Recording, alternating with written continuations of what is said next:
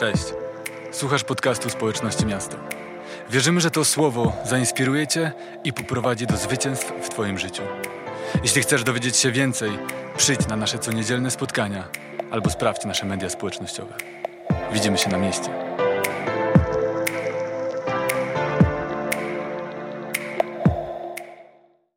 Kolejnej e, transmisji społeczności Miasto. Jesteśmy w serii tak jak nam e, przebaczono. I tydzień temu mówiliśmy o tym, jak ważny jest w ogóle temat przebaczenia, jak wielką moc ma przebaczenie w naszym życiu. A dzisiaj chcemy iść jeszcze głębiej w ten temat, jeszcze dalej w ten temat. I chciałbym, aby po tym kazaniu każdy z nas wiedział i poznał, jaka jest droga do trwałego, trwałego przebaczenia. I pozwólcie, że zacznę od pytania, które może wyda się e, za chwilę wam e, dosyć retorycznym pytaniem. Ale czy miałeś taką sytuację w swoim życiu, że intelektualnie podjąłeś decyzję przebaczam. Przebaczam osobie, która mnie skrzywdziła, ale później, kiedy spotkałeś tę osobę albo zobaczyłeś w mediach społecznościowych, na Facebooku, jak dobrze jej się wiedzie, jak jest szczęśliwa, to pojawiały się w twojej głowie takie myśli, takie uczucia i takie emocje, że zacząłeś mieć wątpliwości, czy w ogóle. Myślę, że każdy z nas mógł mieć taką sytuację. Myślę, że jest to coś, z czym każdy z nas kiedyś w jakimś stopniu się zmagał. I to właśnie dowód na to, że każdy z nas potrzebuje poznać drogę do trwałego przebaczenia. Bo musicie wiedzieć, że przebaczenie nie jest możliwe według ciała. Jest możliwe według ducha i jest prowadzone przez ducha Bożego. I zobaczcie, że e, kiedy próbujemy przebaczyć według ciała, bardzo często prowadzi nas do, do porażki, do sytuacji, w której my podejmujemy taką decyzję, ale tak naprawdę nie doświadczamy tego w głęboki, w głęboki sposób. I zanim przejdziemy do tego, żeby poznać tę drogę, chciałbym powiedzieć Ci coś budującego. Nie potępiaj się. Nie potępiaj się, nie oskarżaj się, dlatego że nie możesz przebaczyć z ciała. Bo przebaczenie, trwałe przebaczenie nie pochodzi z ciała. Właściwie nasz mózg jest tak stworzony, że pewne połączenia nerwowe, połączenia w naszym mózgu są utwierdzane i wyrabiane przez negatywne myśli. Więcej o tym przeczytasz w książce Caroline Leaf, kto wyłączył. Ale ten proces polega na tym, że za każdym razem, kiedy zobaczysz osobę, kiedy, kiedy doświadczysz jakiegoś bodźca, który przypomni ci o pewnych wydarzeniach, to cała sieć negatywnych myśli budzi się w tobie, a więc rodzą się potem w tobie emocje i samopoczucie, które prowadzi ciebie do wniosku, że chyba nie przebaczyłeś. Dlatego przebaczenie nie pochodzi z ciała. Przebaczenie, trwałe przebaczenie pochodzi z ducha. I potrzebujemy Bożego Ducha, aby nas poprowadził w tym przebaczeniu. Potrzebujemy Bożej łaski, żebyśmy mogli trwale przebaczyć. I potrzebujemy Bożej instrukcji. A Jego instrukcja zawsze jest również w Jego słowie. I dzisiaj będziemy czytali fragment, ten sam, który w zeszłym tygodniu, 18 rozdział Ewangelii Mateusza, parabola, która tam jest, ona nie tylko pokazuje nam, jakie jest prawo przebaczenia w Bożym Królestwie, jak wielka jest moc przebaczenia, ale również pokazuje nam, jakie są cechy trwałego przebaczenia. Dla tych, którzy, którzy nie byli z nami w zeszłym tygodniu albo są z nami po raz pierwszy, przeczytajmy jeszcze raz cały fragment, 18 rozdział Mateusza od 23 wersetu. Dlatego Królestwo Niebios przypomina pewnego króla, który postanowił uporządkować rachunki z poddanymi. W trakcie tych porządków przyprowadzono mu jednego dłużnika winnego 10 tysięcy talentów. A ponieważ nie miał z czego oddać, król polecił go sprzedać wraz z żoną, dziećmi oraz całym dobytkiem i w ten sposób odzyskać pożyczkę. Zadłużony sługa padł jednak na kolany i zaczął prosić: Okaż mi cierpliwość, oddam ci wszystko. I pan zlitował się nad nim. Uwolnił go, a dług umorzył. Ułaskawiony dłużnik Wyszedł i wtedy spotkał kolegę, sługę podobnie jak on sam, który był winien mu 100 denarów. Doskoczył do niego, chwycił go za gardło i syknął, oddaj coś winien. Kolega zaś padł na kolana i zaczął prosić. Okaż mi cierpliwość, oddam ci wszystko. Lecz ułaskawiony dłużnik nie przystał na to. Przeciwnie, doprowadził do uwięzienia kolegi na czas spłaty długu. Gdy inni poddani dowiedzieli się o tym, co zaszło, zrobiło im się przykro. Poszli też i o wszystkim, co się stało, dokładnie opowiedzieli panu. Wtedy król wezwał sługę do siebie i zarzucił mu, ty niegodziwcze, umorzyłem ci cały dług, dlatego że mnie prosiłeś, czy i ty nie powinieneś zlitować się nad swoim kolegą, tak jak ja zlitowałem się nad tobą? I rozgniewany wydał go dozorcom więziennym, by zajęli się nim, dopóki wszystkiego nie spłaci. Podobnie mój ojciec w niebie uczyni z wami, jeśli któryś z was z całego serca nie wybaczy swemu bratu. A więc mamy konkretną instrukcję, a więc mamy instrukcję tego, jakie jest prawo przebaczenia w Bożym Królestwie, ale również jakie są cechy trwałego przebaczenia. A więc bez dalszych wstępów przejdźmy przez drogę trwałego przebaczenia. Podkładach możecie zapisywać na tym, co na Instagramie wam udostępniamy, czy w komentarzu, po to, aby to zostało z wami. Pierwszy krok jest taki: otwórz serce. Otwórz serce. W 35 wersecie czytamy, że Jezus mówi: Podobnie mój ojciec w niebie uczyni z wami, jeśli któryś z was z całego serca nie wybaczy swemu bratu. Kiedy ktoś nas zrani, budujemy wokół siebie mur. Budujemy mur nie tylko, który oddziela nas od tej osoby, ale również zamyka nas w pewnych emocjach, zamyka nas w tym bólu, którego doświadczamy przez zranienie. Nasze serce na tę osobę jest zamknięte. W przysłów w czwartym rozdziale, 23 wersecie czytamy Najczujniej ze wszystkiego strzeż swego serca, bo z niego tryska źródło życia. I bardzo często rozumiemy ten fragment w tym kontekście, że musimy chronić nasze serce, dlatego że nasze serce e, jest podatne na to, co przyjdzie z zewnątrz. A więc musimy unikać e, tych filmów, tej rozrywki, muzyki, czy ludzi, którzy mogą zaszkodzić naszemu sercu. A więc chronimy się przed tym, co jest z zewnątrz, ale w tym kontekście i w temacie przebaczenia chodzi o coś odwrotnego. Ponieważ kiedy trwasz w nieprzebaczeniu, kiedy nie ma przebaczenia w Twoim życiu, to zaczynasz budować mur, który zaczyna otaczać Twoje serce. Zamyka się dostęp do światłości, prawdy, miłości. Coraz więcej ciemności i mroku jest w Twoim sercu, aż w końcu ono umiera. Przestaje być źródłem życia. Dlatego pierwszym krokiem jest to, abyś otworzył swoje serce, aby znowu stało się źródłem życia, aby znowu trysnęło z niego życie, miłość. Otwórz swoje serce. To jest pierwszy krok do tego, abyś mógł przebaczyć. I co musisz wiedzieć? Co musisz wiedzieć na, na temat otwierania serca. Po pierwsze, ty to robisz. Ty wybierasz, że otworzysz serce. I nie chodzi o to, aby otwierać serce, otwierać i zamykać nieustannie, otwierać i zamykać, ale chodzi o to, żeby podjąć serce. Podjąć serce. Pff, wróć.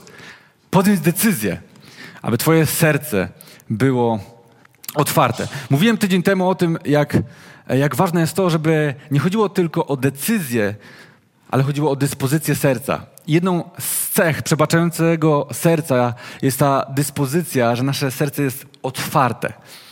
I możesz powiedzieć, okej, okay, otworzę serce na wszystkich, ale nie na tę osobę, która mnie skrzywdziła. Podzielę się z Tobą moim świadectwem i pewną historią, która, która myślę, że jest potwierdzeniem tego, że każdy może otworzyć serce na każdego i to w każdym momencie. I myślę, że podobne sytuacje również mogły dziać się w waszym, w waszym życiu. Kiedy byłem na początku studiów, mój przyjaciel popełnił samobójstwo i tego samego dnia, kiedy to wszystko się wydarzyło, późnym popołudnie poszedłem do zaprzyjaźnionego księdza razem z moją e, dziewczyną Pauliną, już teraz obecnie żoną. E, poszliśmy razem i chcieliśmy jakieś pociechy porozmawiać, pomodlić się. Przyszliśmy do niego na plebanie i on akurat miał spotkanie z młodzieżą. Spotkanie z młodzieżą, wszyscy byli e, roześmiani, zajęci sobą nawzajem, mieli jakiś wspólny posiłek. Przyszliśmy, powiedzieliśmy, co się wydarzyło i ten ksiądz natychmiast wstał od tego spotkania, zmieniło się jego nastawienie, zaprosił nas do, do, wspólne, do wspólnej modlitwy, rozmawiał z nami, podnosił nas na duchu. Co się wydarzyło? Otworzył swoje serce. Jego serce było gdzieś indziej, ale on podjął decyzję i otworzył serce na nas w tym momencie. Zmienił swoje plany, zmienił swoje nastawienie, zmienił swój, e, swoją postawę. Myślę, że każdy nas miał podobną sytuację. Podobną sytuację w tym rozumieniu, że może byłeś w jakimś momencie czymś zajęty, byłeś w domu, odpoczywałeś e, albo pracowałeś i nagle ktoś do ciebie zadzwonił i powiedział, podzielił się jakąś tragiczną wiadomością, jakimś te, tragiczną informacją z jego życia. Co się dzieje? Twoje serce natychmiast otwiera się na tę osobę. Na pewno tak zrobiłeś, wierzę w to. Otworzyło się twoje serce, ponieważ serce może w każdym momencie otworzyć się. To nie musi być jakiś wielki proces, po prostu możesz, twoje serce może się otworzyć. A więc ty to wybierasz i możesz otworzyć twoje serce. To jest twoja decyzja. Jeśli nie otworzysz serca, nie możesz przebaczyć, bo w sercu znajduje się twoje zranienie. W sercu znajduje się twoje zranienie. Dlatego musisz je otworzyć na trwałe przebaczenie. Często jest tak, że przebaczamy i podejmujemy tę intelektualną decyzję, ponieważ chcemy się uwolnić z więzienia, o którym mówiliśmy tydzień temu, ale nie otwieramy serca i wtedy nie możemy naprawdę przebaczyć. I tak naprawdę, mimo że intelektualnie podejmujemy decyzję, że przebaczamy, to co? To nasze ciało zawsze przypomina nam te negatywne emocje, uczucia i prowadzi nas do tego samopoczucia i tego muru, którym oddzielamy się od tej osoby. Więc pierwszy krok, otwórz swoje serce. Drugi krok, współczucie. 27, 30 i 33 werset tej paraboli. Czytamy tam w 27. I Pan zlitował się nad nim. Zlitował się nad nim. Miał współczucie względem tego sługi. Okazał mu łaskę. 33 werset. Czy i ty nie powinieneś zlitować się nad swoim kolegą tak, jak ja zlitowałem się nad tobą, mówi król. Czy nie powinieneś okazać mu łaski, okazać mu współczucia? Drugi krok, wzbudź w sobie współczucie względem osoby, która ciebie zraniła. I są dwie możliwości. Pierwsza jest taka, że ta osoba wzbudzi w tobie współczucie. Wzbudził współczucie w królu. Ktoś może wzbudzić w tobie współczucie, bo opowie o tragicznej sytuacji, która jest w jego życiu. I ty wtedy okażesz mu łaskę, mimo że ciebie zranił, mimo że zgrzeszył przeciwko tobie. Ale bądźmy ze sobą szczerzy, ta sytuacja zdarza się rzadziej. Dużo częściej Jesteśmy w, drugich, w drugim przypadku, jeśli chodzi o współczucie. I współczucie możesz wzbudzić, ponieważ podejmiesz taką decyzję. Taką decyzję. To jest Twój wybór, że chcesz dać to współczucie. Zobaczcie, nikt Jezusowi nie odebrał życia, Nikt mu nie kazał oddać swojego życia za nas, ale on podjął taką decyzję. On oddał swoje życie. To był jego wybór. To była jego decyzja. I tak jak nam przebaczył, tak jak nam przebaczono w Jezusie Chrystusie, tak jak on nam przebaczył na krzyżu, tak i my mamy przebaczać innym. To może być twój wybór. I pewnie zastanawiasz się, czemu mam dać coś dobrego komuś, kto mnie zranił? I odpowiedź jest bardzo prosta Ponieważ możesz, ponieważ możesz dać tej osobie coś dobrego, ponieważ możesz okazać jej współczucie, to jest Twoja moc. Możesz powiedzieć: Mam tę moc, mam tę moc, aby dać tej osobie coś dobrego. To jest mój przywilej. Nie musisz być bogaczem, nie musisz być jakimś liderem uwielbienia albo kościoła, jakimś bardzo uduchowionym człowiekiem. Po prostu masz tę moc, każdy ma tę moc, aby dać ten dobry dar. I tak jak nam dano dobry dar zbawienia, darmowy dar, tak Ty możesz dawać darmowe dary, możesz dać dobry dar, jakim jest współczucie. I tak jak nam przebaczono, tak my mamy przebaczać. Nam przebaczono za darmo, z łaski, tak samo ty możesz okazać współczucie. Dlatego, że masz tę moc. Napisz w komentarzu, mam tę moc. I wiesz, myślisz sobie, że nie dam rady, nie mogę. Ale tak jak mówił pewien prezydent, yes you can. Yes you can. Możesz to zrobić. Zobaczcie, jak wiele w temacie przebaczenia zależy od naszych wyborów, od naszych decyzji. Ty wybierasz, aby przebaczyć. O tym mówiliśmy tydzień temu. Później ty wybierasz, aby otworzyć serce na tę osobę, która cię zraniła. A później ty dajesz tej osobie coś, czego nie chcesz jej dać, ale dajesz jej, bo możesz. I podejmujesz taką decyzję. Dajesz jej współczucie. I czemu mam dać tej osobie coś dobrego, albo jak mam dać tej osobie coś dobrego, co mogę dać. I tu mamy do czynienia z czymś, co jest powszechne i w, każdej, w każdym społeczeństwie staramy się tego uczyć i jest to traktowane jako, jako coś ważnego, a więc chodzi o empatię. Wejdź w buty tej osoby. Wejdź w buty tej osoby. Jeśli nie wiesz, jak okazać współczucie osobie, która cię zraniła, to wejdź w jej buty. Co to znaczy? Nie wiesz, co wydarzyło się w życiu tej osoby dzisiaj, wczoraj, 10 lat temu, w dzieciństwie? Nie wiesz tego. Nie wiesz, czy przez zbieg okoliczności Nie jesteś podobny do osoby, która prześladowała ją w dzieciństwie. Nie wiesz tego. Nie wiesz, czy ta osoba wczoraj nie rozstała się po 25 latach ze swoim mężem.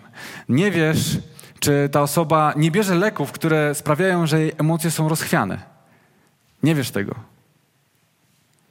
Wiecie, kiedy odmawiamy komuś łaski, kiedy odmawiamy komuś współczucia, również tym, którzy nas zranili, to bierzemy zapewnik i stawiamy siebie w miejscu, w którym my wiemy, my wiemy, że ta osoba nie miała żadnego powodu, że ta osoba niczego nie wycierpiała, nie miała żadnego doświadczenia, które spowodowało, że tak się zachowała. Wiecie, każde zło ma swoją przyczynę. Nawet jeśli ktoś mówi, skrzywdziłem go, bo to mi sprawiło radość, zrobiłem to bez żadnego powodu, dla zabawy, to chcecie powiedzieć, że taka postawa, taka chora postawa również ma swoją przyczynę. Również ma swoją przyczynę. Wejdź w buty tej osoby. Jeśli nie potrafisz okazać współczucia osobie, która cię zraniła, jest to dla ciebie wielkim wyzwaniem. I nie wystarczy ci to, że po prostu możesz to zrobić, to wejdź w jej buty. Pomyśl o tym, co ją spotkało, czego doświadczyła.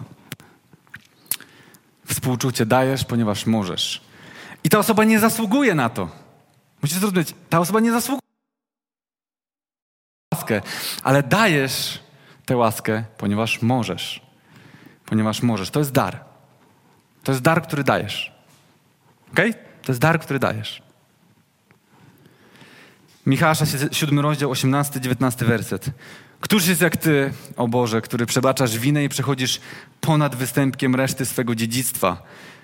Nie chowasz na zawsze gniewu, tak Twą rozkoszą jest łaska. Czy to nie jest piękna postawa? Przejść ponad występkiem tej osoby, która nas zraniła. Nie chować na zawsze gniewu. I niech łaska okaże się Twoją rozkoszą. Tak jak nam przebaczono. Tak jak dla Boga łaska jest rozkoszą. Tak dla Ciebie łaska może stać się rozkoszą. Zmiłujesz się nad nami ponownie, pokonasz nasze winy, wrzucisz w głębiny morza wszystkie nasze grzechy. Masz tę moc. Pierwszy krok otworzyć serce. Drugi krok wzbudzić w sobie współczucie względem osoby, która Ciebie zraniła. I trzeci krok wypuść. 27 werset i Pan zlitował się nad nim, uwolnił go. Wypuszczasz tę osobę z więzienia. Ale to jest bardzo ważne. Żeby wypuścić osobę z więzienia, musisz spojrzeć na nią tak samo, jak patrzy na nią Bóg. Bardzo często jest tak, że kiedy ktoś nas rani, to utożsamiamy tę osobę z jej czynem. Utożsamiamy tę osobę z jej czynem. I kiedy patrzymy na nią, mówimy, ta osoba jest zła tak samo jak jej czyn. Ale jeśli chcemy wypuścić tę osobę, to musimy spojrzeć tak, jak patrzy Bóg na każdego z nas. Psalm 103, 10 do 12 wersetu. Nie postępuje z nami według naszych grzechów, ani nam nie odpłaca według naszych win. Lecz jak wysoko jest niebo nad ziemią, tak wielka jest Jego łaska dla tych, którzy się Go boją. Jak daleko wschód leży od zachodu, tak daleko On oddalił od nas nasze nieprawości. Bóg, kiedy patrzy na ciebie, nie patrzy na twoje grzechy. On chce oddzielić. On wie, że jesteś okłamany przez diabła, że jesteś skażony przez jego kłamstwa, przez jego zakusy, przez jego pułapki. I on patrzy na ciebie jako na swoje stworzenie. Dlatego Bóg miał w sobie łaskę, aby posłać swojego syna, aby odkupił nas z tego wszystkiego. Ponieważ on nie postępuje z nami według naszych win i on nie patrzy według naszych nieprawości. On patrzy z szansą, on patrzy z wizją, on patrzy na naszą przyszłość. I jeśli chcesz trwale przebaczyć, musisz spojrzeć tak na tę osobę. Nie możesz łączyć Twojego oprawcy z jego czynem. Musisz to rozdzielić. Ta osoba nie jest zła. Może trochę jest zła, ale przede wszystkim jej czyn jest zły. Przede wszystkim jej czyn jest zły i jak już to on powinien być w więzieniu. A ta osoba powinna być uwolniona. Musisz ją wypuścić z więzienia. Bardzo często jest tak, że kiedy łączymy te osoby, możemy przebaczyć ten czyn, a osobę wciąż zatrzymać w więzieniu. Nieprzebaczenia. Możemy wciąż trzymać ją w miejscu, w której nie przebaczamy i budujemy mur wokół tej osoby, oddzielamy się od tej osoby, unikamy tej osoby, tę, tę osobę, a więc musisz rozdzielić i najpierw zająć się wypuszczeniem tej osoby, a później zająć się, zająć się przebaczeniem. Wiecie, to jest bardzo ważne, dlatego że Bóg ma wizję dla tej osoby, ma plan dla tej osoby. Nie bądź tym, który zamyka tę osobę w więzieniu, nie bądź kulą u nogi tej osoby. Ale powiedz, nie wiesz, czy ta osoba wykorzysta swoją szansę i wykorzysta tę wizję, którą Bóg ma dla niej, ale na pewno nie możesz ty być tą przeszkodą. Musisz wypuścić tę osobę i pozwolić, aby Bóg się nią zajął, aby Bóg ją poprowadził, aby miała szansę na Boże prowadzenie w swoim życiu. Nie bądź tym, który trzyma. Nie bądź tym, który zatrzymuje ją w więzieniu. A więc najpierw wypuść tę osobę, rozumiejąc, że ta osoba nie jest czynem, który popełniła, i później zajmij się czynem. Pierwszy krok otwórz serce. Drugi krok okaż współczucie osobie, która cię zraniła. Trzeci krok oddziel tę osobę od jej czynu i wypuść ją. Czwarty krok przebacz. Czytamy 27 werset i Pan zlitował się nad nim, uwolnił go, a dalej dług umorzył. Inne tłumaczenia podają darował, przebaczył. A więc czwarty krok, przebacz. Przebacz każdą rzecz. Trwałe przebaczenie nie polega na tym, że przebaczamy wszystkie rzeczy, ale przebaczamy każdą rzecz. Często, kiedy nie otworzymy serca, nie okażemy współczucia, nie przejdziemy przez ten proces trwałego przebaczenia, przez tę Bożą instrukcję, Bożą poradę dla przebaczenia. Jest tak, że tak bardzo chcemy się uwolnić z tego więzienia, o którym mówiliśmy tydzień temu, że mówimy przebaczam. I wtedy rzucamy takie, przebaczam cię wszystko. Przebaczam wszystko i już koniec tematu. I co? No właśnie robimy wtedy to, że mamy dalej mur nie, nieprzebaczenia, że dalej jesteśmy oddzieleni od tej osoby. Mówimy, że przebaczyłem, ale to jest intelektualna jakaś decyzja, to jest jakieś nasze, wyrażamy to naszymi ustami, ale tak naprawdę w sercu tego nie mamy. Nie uwierzyliśmy w to, nie otworzyliśmy serca, nie okazaliśmy łaski tej osobie, a więc bardzo ważne jest, abyśmy nie przebaczali wszystkiego, ale każdą rzecz. Dlaczego? Dlatego, że każda z tych rzeczy zajmuje osobne miejsce w Twoim sercu.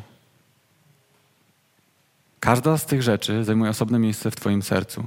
To trochę tak, jakbyśmy chcieli wszystkie schorzenia w naszym ciele, bez względu jakich organów do, dotyczą, jaka jest ich przyczyna, leczyć witaminą C. Wiecie, witamina C jest pomocna. Witamina C rzeczywiście mogłaby pomóc tobie i sprawić, że trochę lepiej się poczujesz. Ale te organy dalej byłyby chore, dlatego że przyczyna choroby każdego z organów jest inna i inaczej trzeba ją leczyć. I tak samo jest z naszymi zranieniami. Nie możesz powiedzieć, kładę na to po prostu wielkie jedno przebaczenie wszystkiego, bo każda z tych rzeczy zajmuje inne miejsce w Twoim sercu. I jeśli jesteś, wejdziesz w ten proces trwałego przebaczenia, i dotyczy to relacji z osobą, z którą łączy cię wieloletnia więź, twojego rodzica, rodzeństwa czy przyjaciela od dzieciństwa. To zachęcam cię, żebyś na tym etapie usiadł z kartką papieru i wypisał po kolei każdą, każdą rzecz. I po kolei każdą przebaczał. Wypisywał, a później mówił, ta rzecz przebaczam, ta rzecz przebaczam, przebaczam, przebaczam. Aż nie przebaczysz każdej z tych rzeczy. W 34 wersecie czytamy: Dopóki wszystkiego nie spłaci. Jesteśmy w więzieniu, w cierpieniu, w rozpaczy, dopóki wszystkiego, każdej rzeczy nie przebaczymy. I kilka uwag na temat tego samego procesu, a może nie procesu, albo tego momentu przebaczenia. Przebaczaj indywidualnie, osobom, ale też całym grupom albo środowiskom, czy nawet instytucjom. Zdarza się, że jesteśmy skrzywdzeni przez środowiska czy instytucje, gdzie nie jesteśmy w stanie zweryfikować, ta jedna osoba nas skrzywdziła. Jeżeli bank sprawił, że straciłeś wszystkie oszczędności i po prostu jesteś zamknięty w więzieniu, tą frustracją, tą złością na to, że ta instytucja oszukała ciebie, okradła, cokolwiek, to ciężko zweryfikować, powiedzieć, ta pani w okienku, pani Basia mnie skrzywdziła, to ona jest winna temu wszystkiemu. Albo pan prezes Kowalski jest winny wszystkiemu. Nie. Często jest tak, że my nie wiemy, co mamy zrobić z naszym, z naszym tym brakiem przebaczenia, dlatego że nie wiemy, jak zdefiniować tych, którzy nas zranili. Może byłeś raniony przez całe środowisko albo klasę w podstawówce. Nie musisz wyodrębniać i mieć konkretnego nazwiska. Możesz przebaczyć całej grupie osób całemu środowisku albo instytucji. Przebaczaj niezależnie od tego, czy osoba żyje, czy już umarła. Zdarza się, że mamy takie podejście, ten człowiek już nie żyje więc temat jest zamknięty. Ten człowiek nie żyje, ale rana pozostaje w tobie. Ta rana żyje w tobie. Dlatego musimy przebaczać zarówno tym, którzy wciąż żyją, jak i tym, którzy już odeszli. Dlatego, że ta rana jest w nas. Nie w tych ludziach, którzy umarli, nie w tych ludziach, którzy się wyprowadzili na drugi koniec świata, ale rana jest w tobie. Przebaczaj bez względu na to, czy ktoś przeprasza, czy nie. Bądźmy ze sobą szczerzy. Większość osób nie przeprosi. Większość osób ciebie nie przeprosi. Większość przeprosi cię. Ale tu nie chodzi o ludzką sprawiedliwość, ale o to, czy chcesz dalej cierpieć, czy nie. To ty cierpisz, kiedy nie przebaczasz. Więc nie czekaj, aż ktoś ciebie przeprosi i teraz jestem gotów na to, żeby mu przebaczyć. Nie. Przebaczaj bez względu na to, czy ktoś przeprosi, bo większość osób ciebie nie przeprosi. Dalej, przebaczaj bez względu na to, czy ktoś zmienia swoje zachowanie, czy nie. Bo większość osób nie zmieni swojego zachowania i będzie uważała, że nie ma powodu do zmiany swojego zachowania. Ale tu nie chodzi o to, że ta osoba ma zmienić zachowanie, tylko o to, czy ty chcesz dalej cierpieć, czy nie chcesz cierpieć. Bóg dał nam wspaniały wzór tego podejścia, tego spojrzenia, przebaczenia. Rzymian 5 rozdział 8 werset. Bóg natomiast daje dowód swojej miłości do nas przez to, że gdy jeszcze byliśmy grzesznikami, Chrystus za nas umarł. Bóg nie czekał, aż przeprosisz. Bóg nie czekał, aż zmienimy nasze zachowanie, aż zaczniemy składać doskonałe ofiary, aż zaczniemy być dobrymi ludźmi. On nie czekał na żadną pokutę, ale kiedy byliśmy jeszcze grzesznikami, On nam przebaczył. I tak jak nam przebaczono, my mamy przebaczyć. Niech łaska stanie się Twoją rozkoszą, tak jak Jego. On nie czeka na zmianę zachowania, ale On chce pokazać, czym jest prawdziwe przebaczenie i chce dać Tobie ten wzór, chce dać Tobie tę szansę. Tak jak nam przebaczono, tak musimy zacząć przebaczać. Na przeprosiny i zmiany zachowania. Dalej, kościele, to jest do ciebie. To jest do ciebie przesłanie. I bardzo ważna rzecz, bo może teraz sobie myślisz, że wprowadzam cię w miejsce, z którego, w którym po prostu nie możesz się odnaleźć. To jest zbyt ciężkie, to jest zbyt wielkie wyzwanie. Ale teraz powiem coś, co na pewno sprawi, że ulży ci. Przebaczenie nie oznacza, że akceptujesz lub usprawiedliwiasz czyjeś zachowanie lub czyn. W żadnym wypadku. To nie ma nic ze sobą wspólnego. Bóg nam przebaczył, Bóg okazał nam współczucie, Bóg otworzył swoje serce, okazał nam łaskę, współczucie, przebaczył nam, ale On nigdy nie dał przyzwolenia na grzech w naszym życiu. On nigdy nie zaakceptował grzechu w świecie, który stworzył. A pomimo to przebaczył. Przebaczenie nie oznacza też, że nie zachowujesz zdrowych granic albo że wasza relacja wróci do dawnego stanu. Mm-mm. Jeśli jesteś w środowisku, w którym jesteś krzywdzony, to masz przebaczyć, nawet jeśli nikt cię nie przeprosił, nawet jeśli w tym środowisku dalej są te chore, krzywdzące zachowania. Ale to nie oznacza, że akceptujesz to, co tam się dzieje, i to nie oznacza, że nie masz zmienić tego środowiska i zastopować ten proces krzywdzenia ciebie. Jeśli twój mąż jest alkoholikiem, to masz przebaczyć mu, nawet jeśli ciebie nie przeprosił, nawet jeśli nie zmienia swojego zachowania. Ale to nie znaczy, że masz akceptować jego, jego uzależnienie. Masz akceptować to, że ciebie krzywdzi i że nie masz oddzielić się, aby chronić swoje życie i twoje rodziny. Przebaczenie nie oznacza akceptacji dla czynu, dla grzechu nie oznacza, że nie zachowujemy zdrowych granic, bezpiecznych granic względem osoby, która nas krzywdzi. To jest bardzo ważne, abyśmy o tym pamiętali. I myślę, że to często jest e, rzecz, która nas ogranicza i która sprawia, że nie, nie mamy w sobie zdolności do przebaczenia, bo wydaje nam się, że to znaczy, że musimy zaakceptować to, co ta osoba zrobiła, albo że musimy powiedzieć, że nic się nie wydarzyło. Nie, to wszystko się wydarzyło. Te traumy się wydarzyły, one są, one są znakami w Twoim sercu, pozostają blizny po tym, ale jeśli chcesz, żeby te rany zamieniły to musisz przebaczyć. I bardzo ważna rzecz. Tak jak mówiłem na początku, przebaczenie nie pochodzi z ciała. Dlatego, kiedy przebaczysz w ten właśnie sposób, nie licz na to, że takie przebaczenie zaspokoi jakąś Twoją ludzką chęć sprawiedliwości czy chęć zemsty. Mm -mm. Kiedy Jezus był krzyżowany, On nie zaspokajał swojej chęci zemsty. On przebaczał nam na krzyżu, a jednocześnie nie zaspokajał chęci zemsty albo ludzkiej sprawiedliwości. Więc przebaczenie nie ma ciebie prowadzić do tego, że teraz poczujesz, o, odegrałem się na tej osobie, teraz ma za swoje. Jeśli szukasz tych emocji, to nie znajdziesz ich w Bożej instrukcji. Przebaczenie nie pochodzi z ciała, więc żadne cielesne i ludzkie pragnienia związane z chęcią zemsty czy sprawiedliwości nie zostaną zaspokojone. Twój duch będzie pełen pokoju. Boże pragnienie sprawiedliwości będzie zaspokojone, nie ludzkie. Pierwszy krok. Otwórz serce. Drugi krok. Wzbudź sobie współczucie względem osoby, która ciebie zraniła. Trzeci krok. Oddziel osobę od jej czynu i wypuść ją z więzienia w twoim sercu. Czwarty krok. Przebacz każdą rzecz, Każdą rzecz, bo każda zajmuje osobne miejsce w Twoim sercu. I ostatni krok, piąty.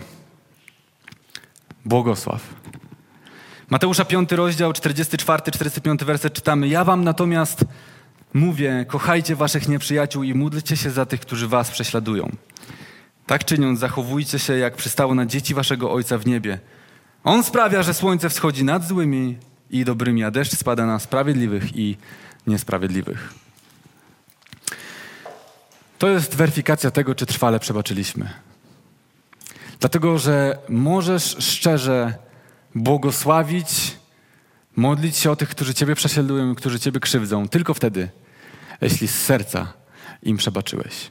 Jeśli z serca im przebaczyłeś. I zobaczcie, że kiedy nie przebaczasz, to wznosisz mur wokół siebie i oddzielający Ciebie od tej osoby unikasz tej osoby, źle o niej myślisz, źle o niej mówisz i w końcu twoje czyny również działają przeciw tej osobie. Jeśli któraś z tych rzeczy występuje w twoim życiu względem osoby, która ciebie zraniła, to znaczy, że nie przebaczyłeś jej trwale. Dlatego, że jeśli przebaczyłeś, to możesz szczerze błogosławić o nią i kochać ją. I to jest wzór dla Bożych dzieci, jak czytamy w piątym rozdziale Mateusza kochać, modlić się i błogosławić tych, którzy są niesprawiedliwi, którzy nas krzywdzą, którzy nas prześladują. I co jest ciekawe, Jezus mówi, błogosław, módl się i kochaj tych, którzy teraz cię prześladują i krzywdzą. Nie tylko tych, którzy kiedyś cię prześladowali, którzy kiedyś cię krzywdzili, ale również tych, którzy teraz ciebie prześladują. I wiecie, ten piąty krok to nie tylko dowód na to, że przebaczyliśmy tej konkretnej osobie, ale to również jest taki, takie miejsce, w którym nasze serce jest tym przebaczającym sercem, w którym nasze serce ma właściwą dyspozycję, ponieważ to nie jest tylko proces, który ma nas prowadzić do przebaczenia tym, którzy kiedyś nas krzywdzili, ale to ma być również standard naszego życia, że nasze serce jest otwarte na każdego, na tych, którzy nas kochają i na tych, którzy nas krzywdzą, że okazujemy łaskę i współczucie tym, których kochamy i tym, którzy nas krzywdzą, że jesteśmy w stanie oddzielić osobę od jej czynu, bez względu na to, czy jest to nam bliska osoba, czy jest to nasz nieprzyjaciel. I jesteśmy w stanie przebaczyć każdemu, bez względu na to, czy jest sprawiedliwy, czy niesprawiedliwy. I jesteśmy w stanie go błogosławić, modlić się go i kochać. Możemy to robić tylko wtedy, kiedy mamy przebaczające serce, kiedy mamy w sobie te dyspozycje, aby przebaczać, aby przebaczać tak, jak nam przebaczono. To jest możliwe tylko wtedy, kiedy zamkniesz więzienie w swoim sercu, kiedy wypuścisz wszystkich, którzy tam są i postanowisz od dzisiaj, od dzisiaj Moje serce jest przebaczającym sercem. Będziemy się za chwilę modlić. Zespół uwielbienia nas poprowadzi, ale chcę najpierw podsumować wszystko to, co zostało powiedziane, aby utrwaliło się w nas. Po pierwsze, trwałe przebaczenie jest wyzwaniem, ponieważ nasz mózg jest tak stworzony, że trudnie, trudne wspomnienia uruchamiają całą sieć negatywnych myśli w naszej głowie. Ale Bóg daje nam instrukcję, jak trwale przebaczyć. Nie według ciała, ale według Jego prowadzenia, według Jego standardu. I pierwszy krok, otwórz swoje serce. Drugi, wzbudź w sobie współczucie względem osoby, która Ciebie zraniła. Trzeci krok, oddziel osobę od jej czynu i wypuść tę osobę z więzienia w Twoim sercu. Czwarty krok, przebacz każdą rzecz z osobna, ponieważ każda z nich zajmuje osobne miejsce w Twoim sercu. Piąty krok. Błogosław tych, którzy Ciebie skrzywdzili. Bo to jedyny sposób na to, aby sprawdzić, czy naprawdę, czy naprawdę przebaczyłeś. Trwałe przebaczenie jest cudownym doświadczeniem. Jest pięknym darem, który otrzymaliśmy od, od Boga w Jezusie Chrystusie. Jest piękną postawą i standardem, który, do którego jesteśmy my wszyscy zaproszeni, aby żyć w rzeczywistości Bożego Królestwa, sprawiedliwości, radości i pokoju. Stań teraz ze mną w modlitwie. Panie, stajemy przed Tobą i wołamy do Ciebie, bo wiemy, że według ciała nie jesteśmy w stanie zaspokoić żadnej sprawiedliwości. Ale kiedy Ty przyjdziesz ze swoją łaską i swoim prowadzeniem, możemy przebaczyć i to trwale. Panie, proszę, abyś umocnił teraz każdą osobę, która tego słucha i pomógł jej otworzyć swoje serce na osoby, które ją zraniły. Otworzyć serce to jest decyzja, którą możemy podjąć. Dodaj nam sił. Panie, modlę się też o to, abyśmy potrafili wzbudzić w sobie współczucie, aby łaska stała się naszą rozkoszą, abyśmy potrafili spojrzeć ponad występkami osób, które nas skrzywdziły, które nas krzywdzą. Modlę się o to, abyśmy potrafili patrzeć na każdą osobę, która nas skrzywdziła, tak jak Ty patrzysz na każde swoje stworzenie. Oddzielić osobę od jej czynu i wypuścić tę osobę, wypuścić ją z więzienia. Panie, modlę się o to, abyśmy abyś Twój Święty Duch prowadził nas i pokazywał nam każdą rzecz, którą mamy do przebaczenia, żebyśmy potrafili je spisać i po kolei każdą przebaczyć, każdą wyrzucić z więzienia w naszym sercu. I Panie, modlę się o to, abyśmy byli tacy jak Ty, abyśmy błogosławili tych, którzy nas prześladują, abyśmy ich kochali, abyśmy się o nich modlili. Boże, chcemy być jak Twój Syn i chcemy przebaczać tak, jak Ty nam przebaczyłeś. Wierzymy, że to jest możliwe dzięki Twojej łasce w imieniu Jezusa Chrystusa. Powiedzmy na to Amen, Kościele.